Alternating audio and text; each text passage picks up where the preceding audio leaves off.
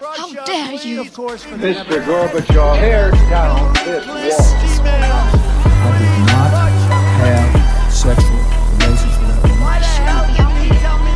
Read my lips. Hell yes, we're gonna take your AR-15. It's waiting I have a dream. Thank you. Ja, Vi er tilbake med en ny episode av eh, Statsvitenskap og sånt. eh, Og i dag Harald, så har vi fått besøk av en, eh, en aktivist forkledd som forsker. Eh, Det høres nesten skremmende ut. Det er nesten skremmende. Det er, ikke så skremmende, tror jeg. Eh, Så vi ønsker velkommen til Lea Bjørgul, forsker hos Forsvarets eh, forskningsinstitutt. Velkommen. Takk for det. Ja, du var jo eh, du er en, av, en av disse forfatterne til rapporten som Gjelsvik ikke likte, og vi gikk jo gjennom den rapporten og, og Gjelsviks respons her i podkasten, Harald. Um, den, var ikke, den var ikke helt heldig, ikke helt bra, og vi lurte jo litt på om han hadde, helt tatt hadde lest eh, forskningsrapporten, eller om de hadde skjønt hva det egentlig handla om.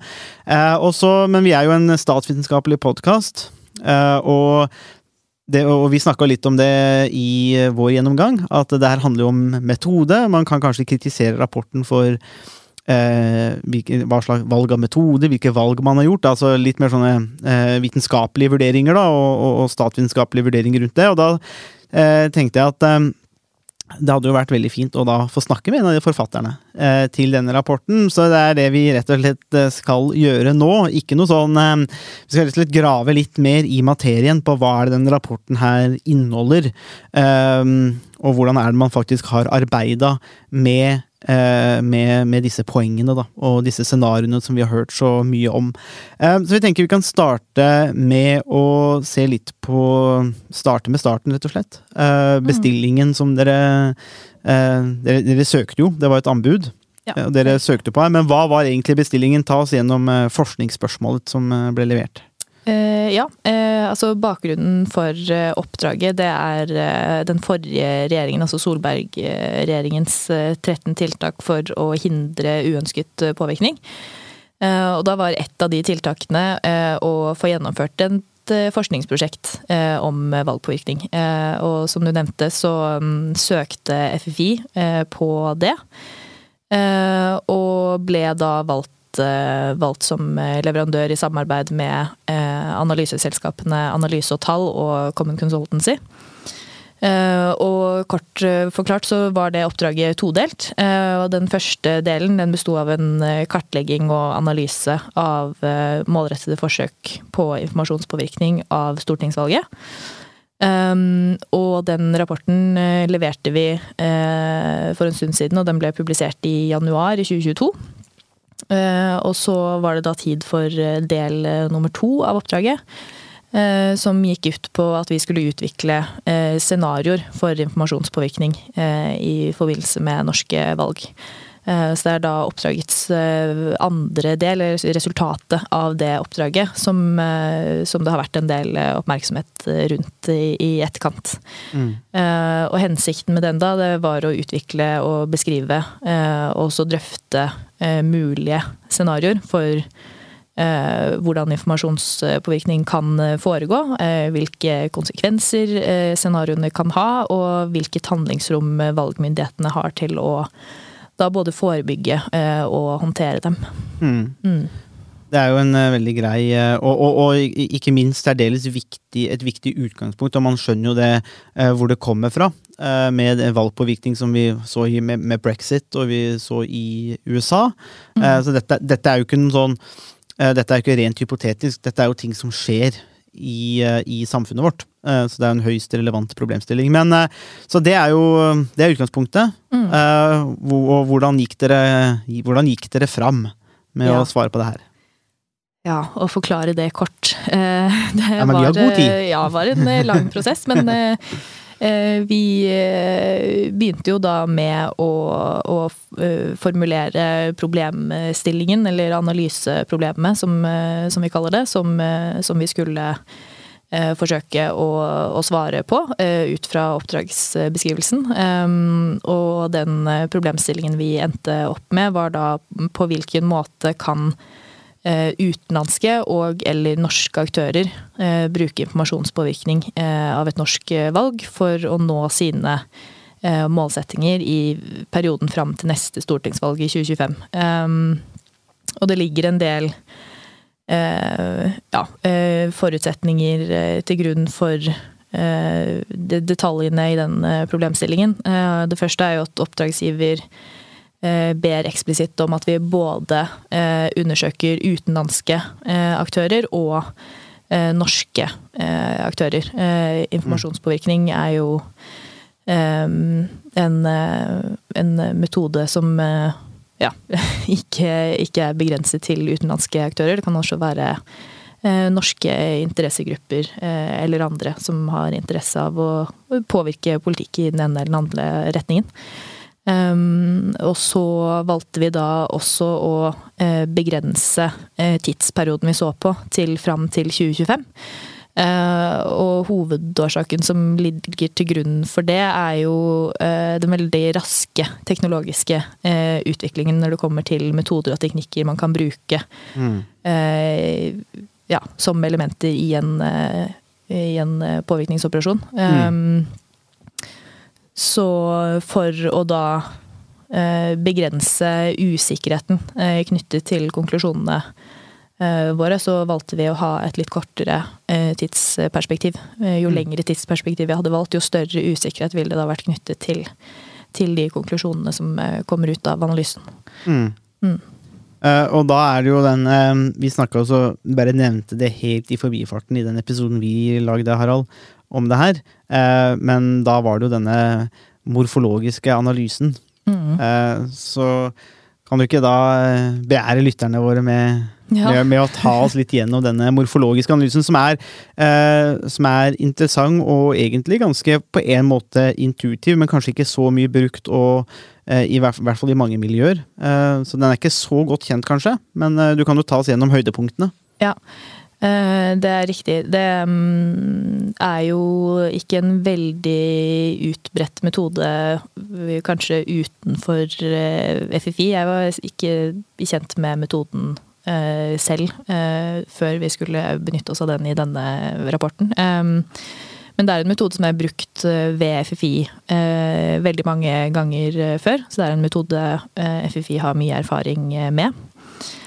Um, og årsaken til at vi bruker den um, metoden, er at det er en metode uh, som kan uh, gi oss um, et ikke for stort antall eh, ja, konfigurasjoner, kaller vi det. Um, fordi mulighetsrommet eh, for å bruke informasjonspåvirkning og hvilke metoder og taktikker man kan ta eh, i bruk, er, begrenses bare av aktørens eh, fantasi og teknologiske muligheter. Så hvis man skal tenke på hvordan informasjonspåvirkning kan foregå, så finnes det mange, mange tusen forskjellige måter og mulige scenarioer.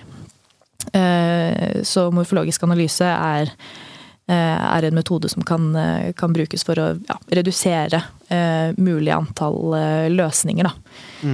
Um, og måten man konkret går frem, er at man da først eh, skal eh, definere analyseproblemet eller problemstillingen så presist eh, som mulig, og det var jo den jeg nevnte, nevnte, nevnte nå i sted. Um, eh, Steg nummer to handler om at alle, alle parametere, kan også kanskje kalle det variabler, som kan ha betydning for problemet, må identifiseres.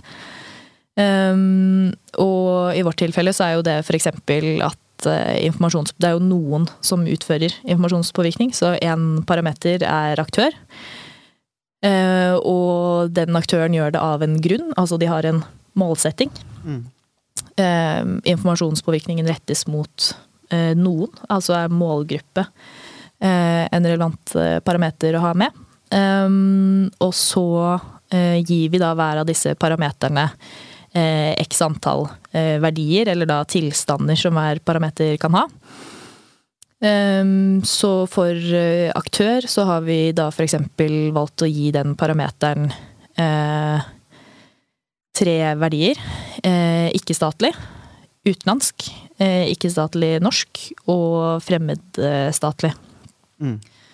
Eh, Og så har vi da ja, gitt eh, alle parameterne eh, vi har valgt ut, eh, verdier.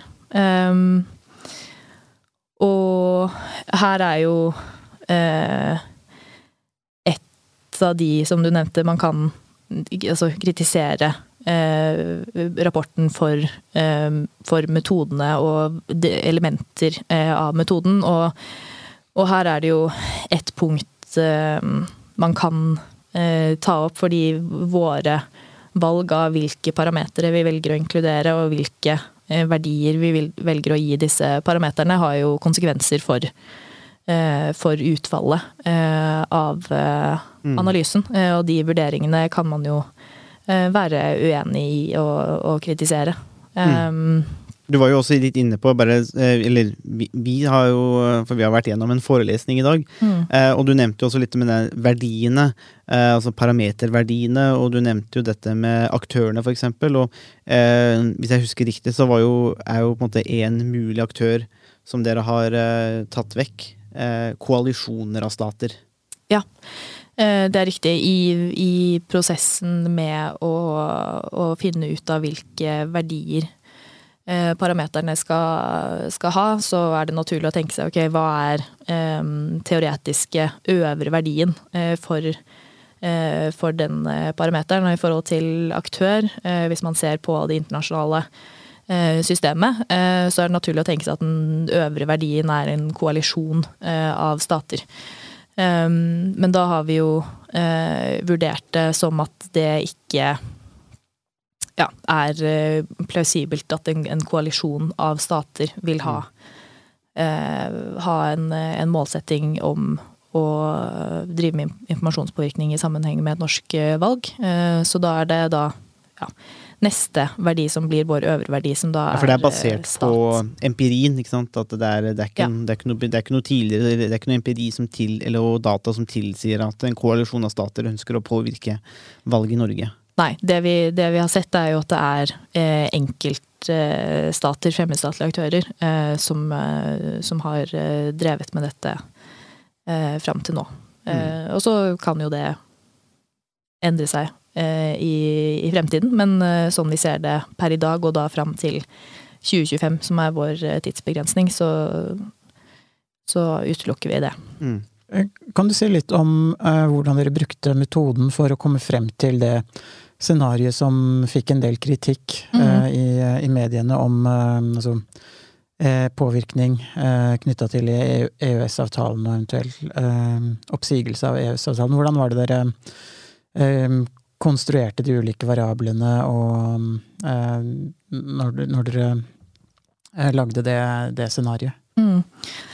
Ja, altså det som, det som skjer når vi da er ferdig med, med prosessen eh, og, velge ut eh, parametere eh, og parameterverdier, eh, så legges det eh, inn i eh, Excel, eh, som gjør noe magisk.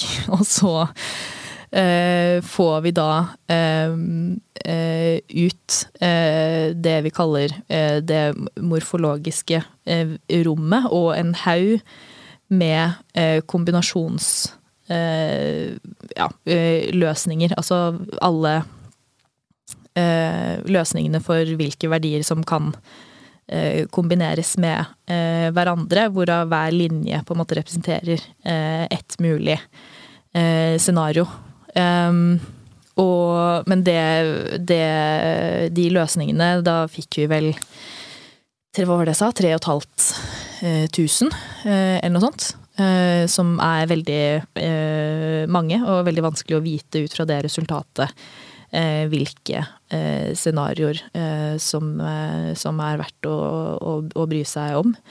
Um, så det vi gjør videre i den morfologiske analysen da, er å gjennomføre noe som heter en konsistensanalyse. Eh, hvor vi da uh, ja, uh, vurderer hvilke verdier som, eh, som eh, på en måte kan eh, opptre sammen, og så ekskluderer vi en del av de parkombinasjonene. Og da får vi et mye færre antall løsninger. Da får vi ca. 240. Ehm, og så gjør vi da et arbeid med å lage scenarioklasser. Altså å kategorisere de 240 løsningene inn i meningsfulle eh, kategorier. Eh, og hver av de eh, kategoriene eh, skal da eh, representere kvalitativt sett eh, ulike utfordringer.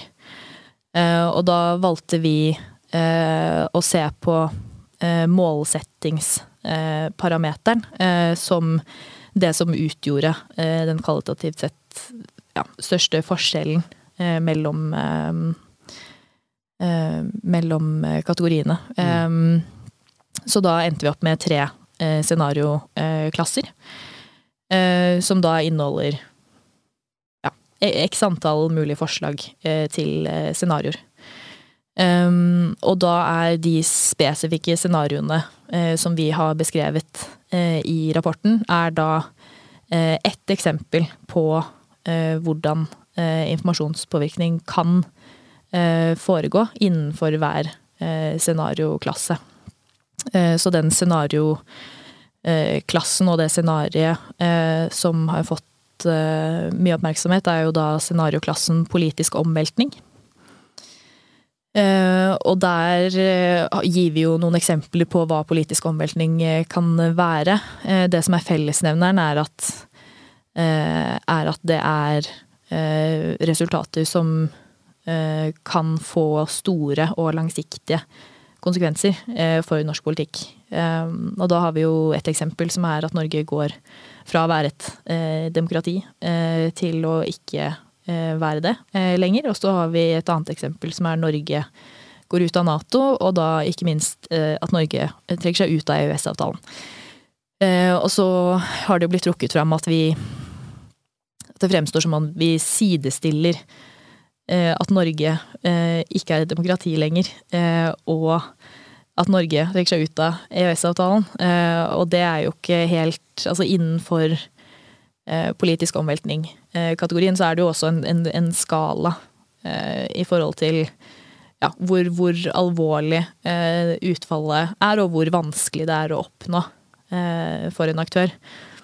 Eh, før man da beveger seg ned i neste eh, scenarioklasse, som er politisk endring. Som er andre politiske endringer som ikke eh, er like store og omfattende eh, som de som faller inn under eh, politisk omveltning. Eh, så de, de scenarioene er jo eh, eksempler der historien rundt scenario er eh, fiktiv, men der hovedelementene, altså som beskriver hvilke metoder eh, som blir brukt, hvilke målgrupper informasjonen rettes mot, er jo da hentet direkte fra, eh, fra den morfologiske eh, analysen. Så det er jo ikke noe vi har eh, funnet på. Det er de elementene som er, er resultatet eh, fra analysen, da.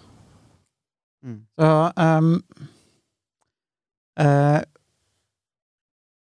da, da betyr det egentlig at eh, de resultatene, eller de klassene, eller ulike typene eh, av resultater, de ble gitt av premissene eh, før måte, man sendte eh, Sendte det gjennom den, den magiske Excel-operasjonen. Excel Ja. Og, så eh, var det scenario med en eventuell utmeldelse fra EØS ett av mange ulike resultater som Ja. kom ut. Det er riktig. Så det er eh, selvfølgelig veldig mange uh, andre eh, scenarioer man kunne trukket frem. EØS-scenarioet er jo trukket spesielt frem fordi det er en politisk sak som det er mye uenighet om, og som lett skaper ganske steile fronter, og det fikk vi jo eh, også bekreftet eh, etterpå, eh, at det, at det stemmer. eh, Og det eh, er typisk den typen eh, saker eh, en eh, aktør som ønsker eh, å drive informasjonspåvirkning, eh, vil rette seg inn eh, mot. Men Eh, vi- viser den diskusjonen i etterkant at dere egentlig hadde rett?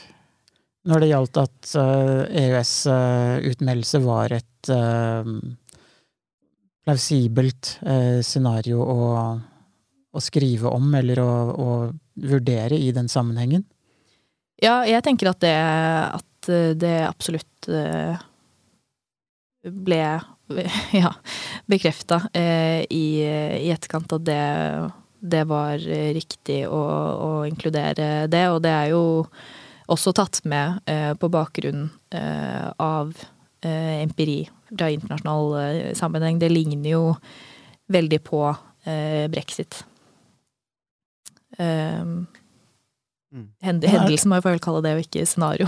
For det skjedde jo. Det som, uh, altså, her, her, FFI ble jo beskyldt for uh, en form for politisk aktivisme. Uh, og hva i rapporten og deres forskningsprosjekt er det som Altså, finnes det noen spor av aktivisme, eller at man tar hensyn bevisst eller ubevisst til politiske synspunkter? Er det noe, altså, finnes det noe rom, eller noe eh, måte å At den, den eh, anklagen kan ha noe eh, substans? Altså, på, på generelt eh, grunnlag så er det jo Vil jeg jo si at det er nesten umulig for forskere å være 100% nøytrale. Det er jo et, et, ideal, et veldig viktig ideal og prinsipp som man eh, forsøker å etterleve eh, så godt eh, man kan, eh, og det har jo vi også eh, gjort. Jeg tror det er noen av eh, Jeg tror det er en kombinasjon av at ikke alle har lest hele rapporten, men kanskje bare scenarioene. Hvis man kun leser scenario, så kan man jo forstå at det er lett å tenke Eh, at dette er ting vi har funnet på, og så er det en grunn til at vi har valgt Man har kommet til konklusjonen først, og så på en måte konstruert argumentasjonen i etterkant. ville på en måte vært det som Altså hvis det var en aktivistisk tilnærming, så ville kanskje det vært utgangspunktet. Mm. Eh, ja, kanskje. Eh, holdt jeg på å si, det vet jeg ikke noe om, fordi det gjorde vi ikke. Nei, men, men, jeg tenker sånn, hvis, ja, hvis, hvis, skjønner, man ønsker ja. å, hvis man ønsker å si at eh, det her var Eller hvis, man, hvis det var et ønske fra deres side mm. om å påvirke eller å ta en aktiv rolle, som på en måte ligger i det å være en, en politisk aktivist, som man fikk inntrykk av fra um, statsråden, var på en måte um, anklagen mot, mot, rapporten, så vil man jo anta at da, da vil vil man starte med konklusjonen og på en måte jobbe seg bakover, istedenfor å begynne med eh, Du er inne på, på måte, tusenvis og hundrevis av ulike eh, mm. måte, kombinasjoner som, eh, som har på en måte mulighetsrommet. Mm. Så på en måte så kan man jo si at med den morfologiske metoden så har man jo til en viss grad ekskludert den muligheten for å være direkte aktivistisk. Eh, rett og slett gjennom eh, at man på en måte koder alle ulike variabler og scenarioer og muligheter. Mm.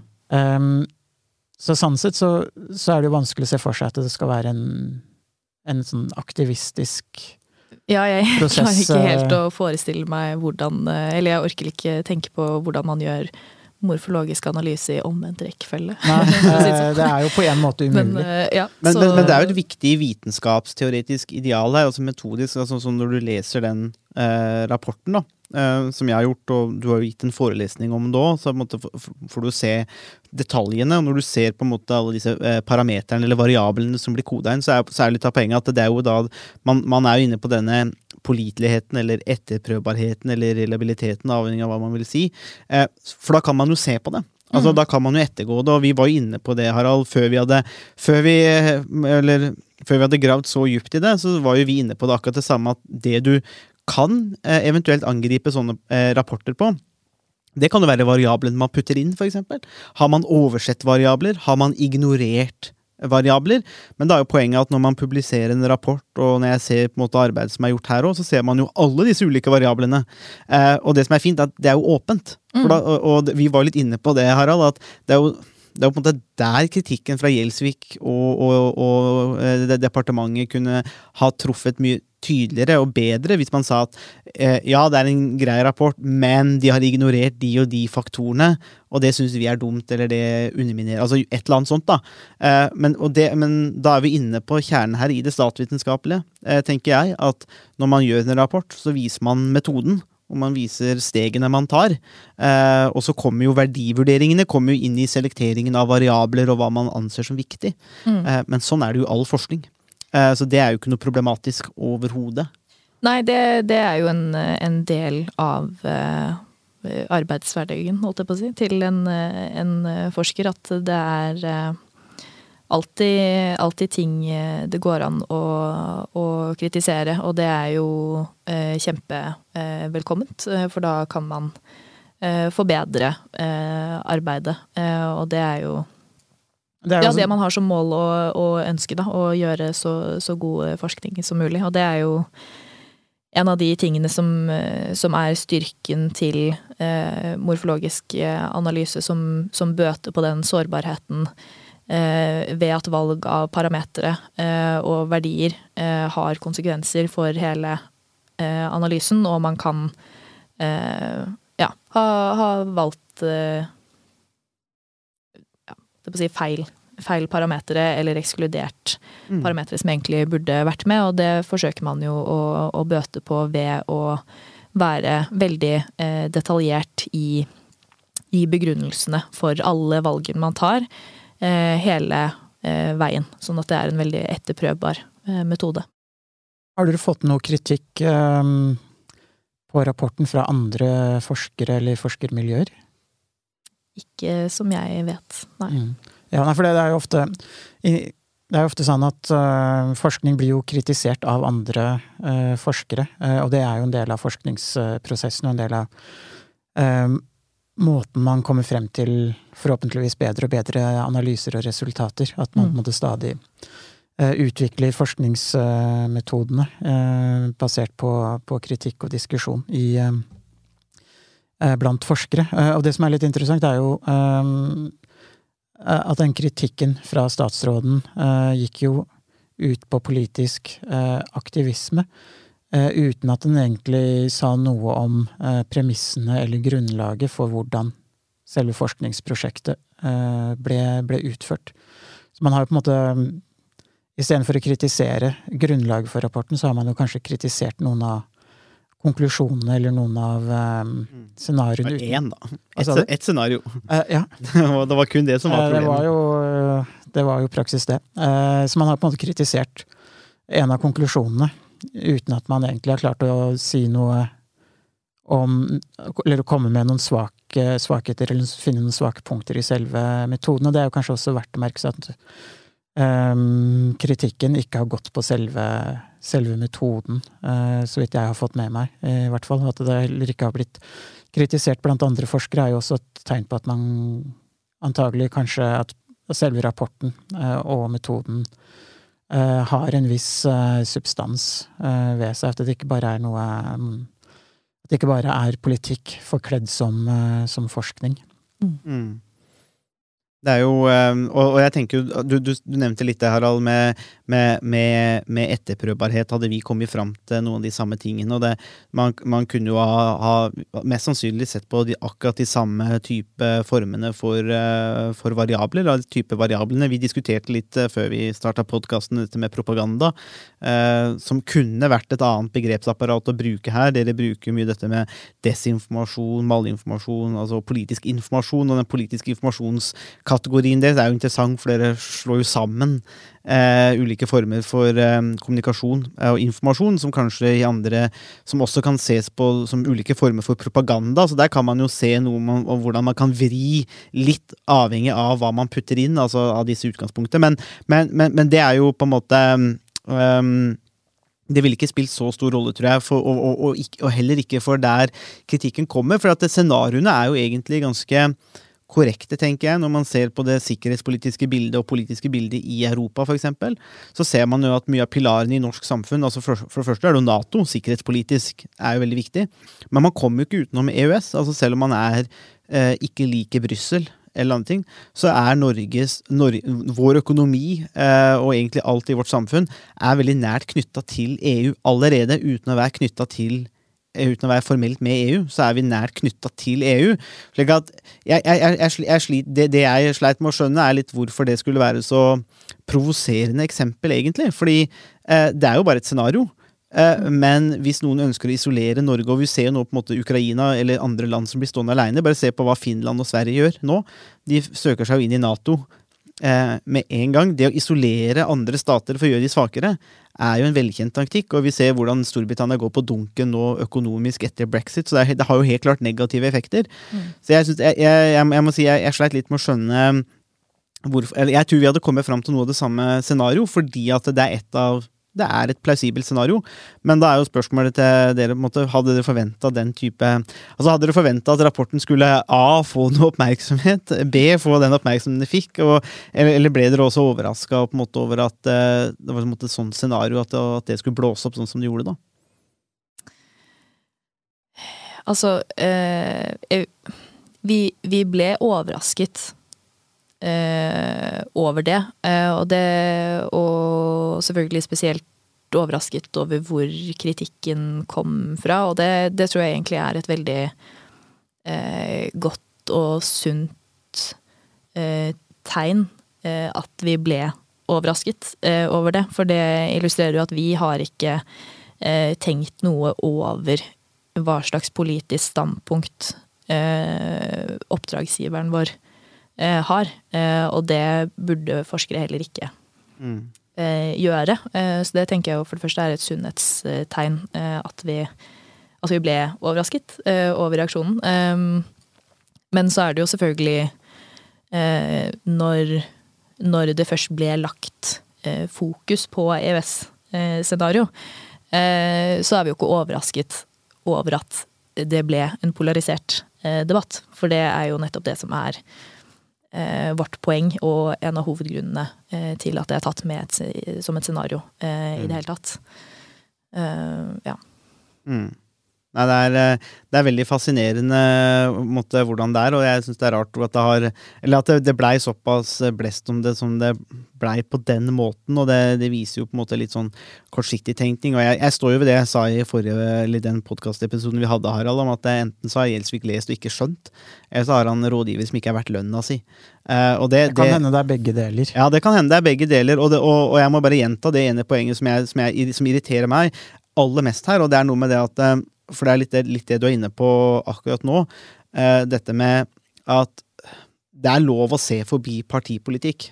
Det er lov å gjennomføre forskning som går på spillereglene i landet vårt. At, eh, at eh, du kan ha politiske uenigheter, men integriteten til det politiske systemet må forsvares, beskyttes og sørges for at det er trygt.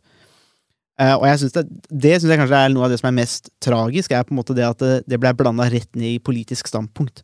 At man ikke klarte å se det for det det er. At eh, det er ett scenario av mange, og hvis man ser på disse variablene, så kan man konstruere tusen scenarioer til. Eh, dette var ett av de.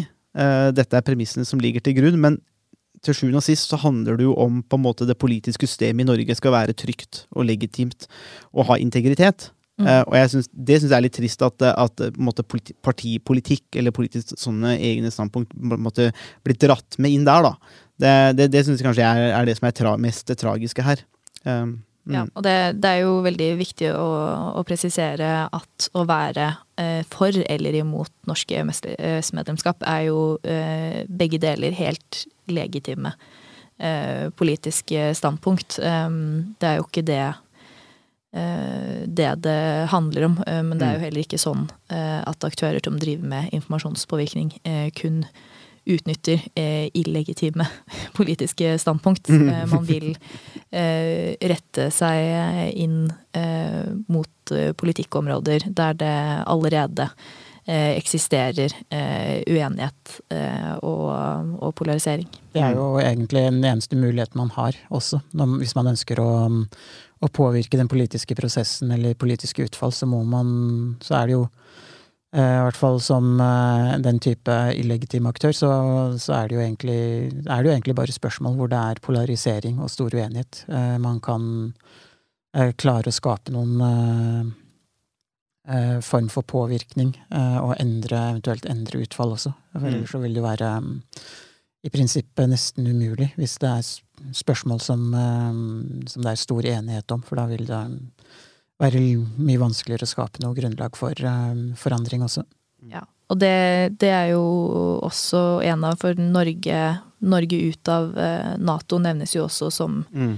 eh, et, eh, et mulig eksempel på et scenario eh, innenfor scenarioklassen eh, politisk eh, omveltning. Em, Men i forhold til Nato-spørsmålet så er det jo eh, en mye bredere enighet eh, i den norske befolkningen eh, om at Norge Mm. eh, bør være medlem eh, av Nato. Eh, Så det ja, ville ikke vært et like relevant scenario å eh, trekke frem som et, et konkret eksempel i den delen av rapporten, selv om det scenarioet også er fremstilles som et, et eh, mulig scenario innenfor den eh, klassen, på lik linje med EØS-scenario. Mm. Det er, jo, det er jo informasjon, feilinformasjon, propaganda trenger jo noe fertil grunn for, for å resonnere. Eh, Budskap må jo resonnere med folk, og det er jo som du sier. Altså, hvis, det, hvis det kommer mye om Nato nå, f.eks. i Norge, så antar man, vel nesten automatisk russisk eh, forsøk eh, på å spre For det, det er så stor enighet og så stor sikkerhet om Nato at det er liksom sånn Forsøk på det blir bare tull. Mens med La oss si at eh, EU Støtten om EU, da, eller motstand mot EU, er som den var ved forrige folkeavstemning, så er jo landet splitta. Det øker jo også rommet for, eh, for den type informasjon.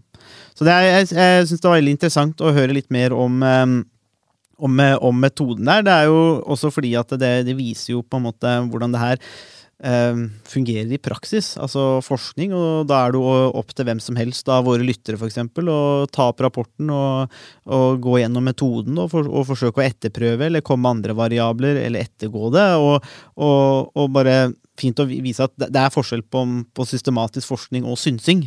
Eh, selv, om, selv om det måte kan bli veldig tabloid når det kommer ut i medier eller de kommenterer det, så er det, det er mye arbeid som ligger bak. Det er mange, det er mange timer med koding.